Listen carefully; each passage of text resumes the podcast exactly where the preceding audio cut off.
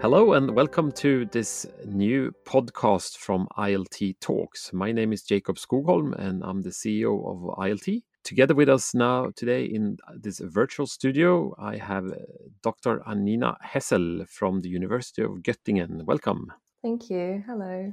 Hello, Annina. You are, I'm very happy to have you here. And uh, you are here because you have been doing a lot of research around literacy and second language learning, second mm. language uh, kids. And that's uh, areas that's very interesting for us as well. But can you please uh, tell us a little bit more about yourself?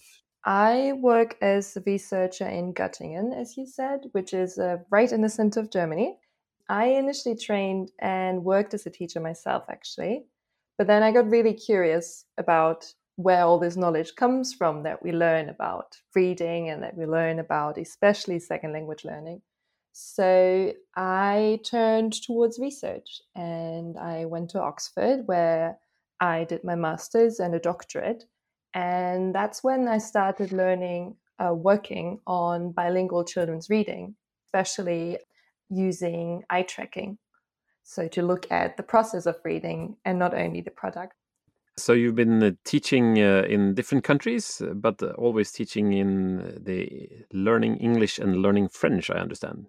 Actually, I've also taught German for a little bit in France, but you're absolutely right. I trained in teaching English and French.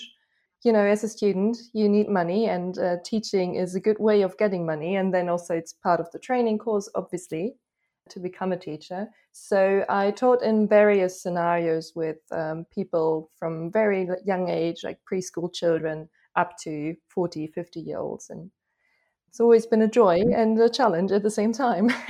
so you mentioned an interesting thing about um, uh, language learning, and you talked about the eye movement part. Uh, mm. Can you elaborate a little bit on what what made you interested in looking at this, and what implications that it had? What, what, what findings are you doing there?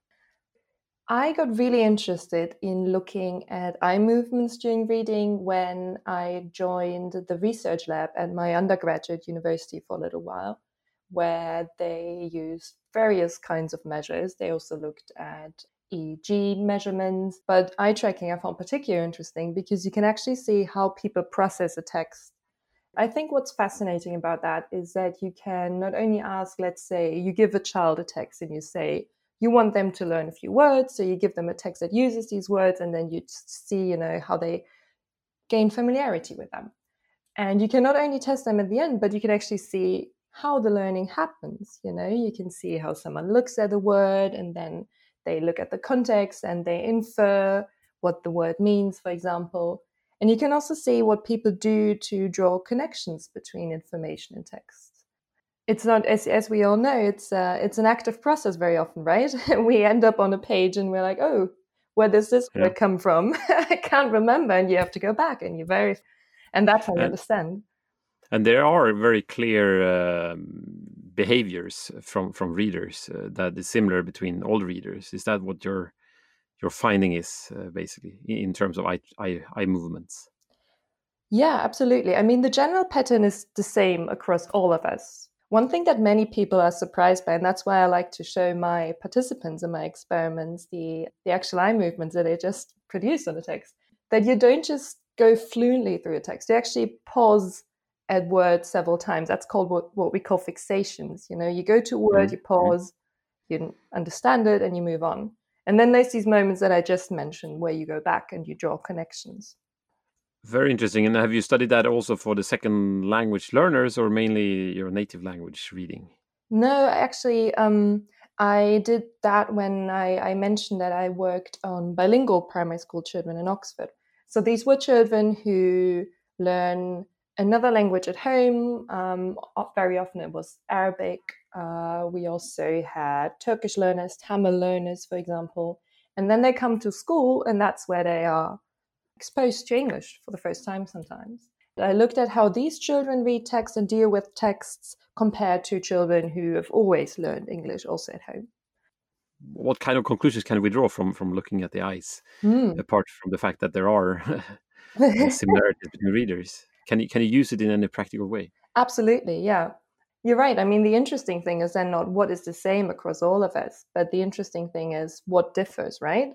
why does one child have problems, for example? What we saw was that um, when you give children text with particularly challenging items, something that actually would require them to check their comprehension because it doesn't quite fit into the context. You know, you can see who actually checks and who doesn't, and what's that connected to. And what we saw related to um, bilingualism was that actually as a surprise to many teachers, it's not being bilingual or monolingual that makes a difference for are you able to monitor your comprehension to notice when something goes wrong, but it actually is how big your vocabulary is. That when you have a strong vocabulary base, you can read fluently through a text. So those pauses that I mentioned before, the fixations, they get very short and you just move on. And then yeah. you're able to move back. You have some resources left to be flexible and notice when something's off. Whereas when you're just trotting from word to word, that's when the problem comes in because you do not notice what is happening on a broader scale. And that's when you fail to understand the text. Interesting, because that leads me into my, my next area and, and question. We, mm. we we were supposed to talk a lot about teaching uh, literacy to second language learners, um, which has been your part of your studies here, mm. even w- without the eye tracking part. Uh, what would you say there? What are the, the shortcuts? Uh, one, one thing you just said was that vocabulary is very important, but in general terms, what would you say is, is uh, the tricks to, to teach reading for these kids? Yeah, I think um, in general, we could say that obviously vocabulary is one thing that repeatedly comes out and something that being as being as something that is particularly challenging for bilingual children because they have less time to develop it. And so typically academic vocabularies so the more advanced words and phrases those are less known. Beyond that i would suggest using the same strategies that are helpful for teaching monolingual children so you want to know their level, you want to know where they exactly struggle in reading. Obviously, there are different areas that you could struggle in. Then you want to support those areas that need development. Let's say that could be vocabulary, very often it is. But you could also focus on engaged reading, offering tasks and strategies that support children in building up a coherent representation of the text. And then another thing that uh, is very that, that, last thing was a yeah. little bit complicated for for me to understand. Can you elaborate that? Sure. Um, so when you want someone to engage really with the text, right? You don't want them just mm-hmm. to go over it. It's really helpful to give them specific tasks to focus on. Let's say you ask the children in the classroom to predict what a text will be about based on the headline or you could give them specific questions. They could be easier, like who is in the story, where does it take place, but they could also be more advanced, like why do you think the protagonist does what he or she does? And these are really good ways of getting children or people in general to really engage with the text. And um, when you repeatedly train these tasks, um, students can learn to internalize them and then they become strategies that we all apply when we're reading. And that's what I mean when I say you support engaged reading. Okay, and, and, actually, all as you said initially here, that there's, uh, in, in your perspective, not a big difference between a uh, second language learner and a native language learner when it comes to these strategies for for reading. Yeah, I mean, obviously, that's um, I think that's a first really solid go to that can be very useful in the classroom. Because I think what teachers often feel like is they want to support all their students, but also can be really hard when you feel you need to give specific instructions exercises to each of your students because there are many of them, right? So I think it's good to know that the same things apply in a broad sense. But obviously, there are also things that can be useful when someone has the knowledge of another language such as using the L1 when it's possible and when it's appropriate. The, the first language, sorry, that's exactly. what I mean yeah, yeah. with it. And you can obviously do that when you're doing reading exercises or when you're doing your vocabulary exercises. And uh, how, how does, by using the other language, how do you do that in practice, in reality, in the classroom? Mm. Yeah, there's um, a growing research base on that. what actually it largely depends on is the context you're operating in.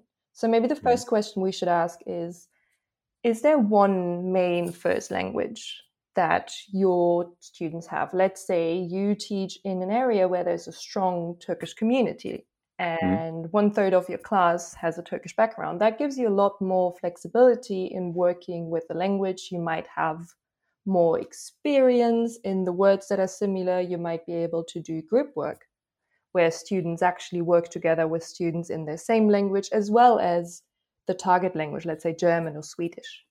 Yeah. Um, that's different when they all have different first languages, as it often is the case in uh, the UK, and it was the case in my Oxford samples that I worked with.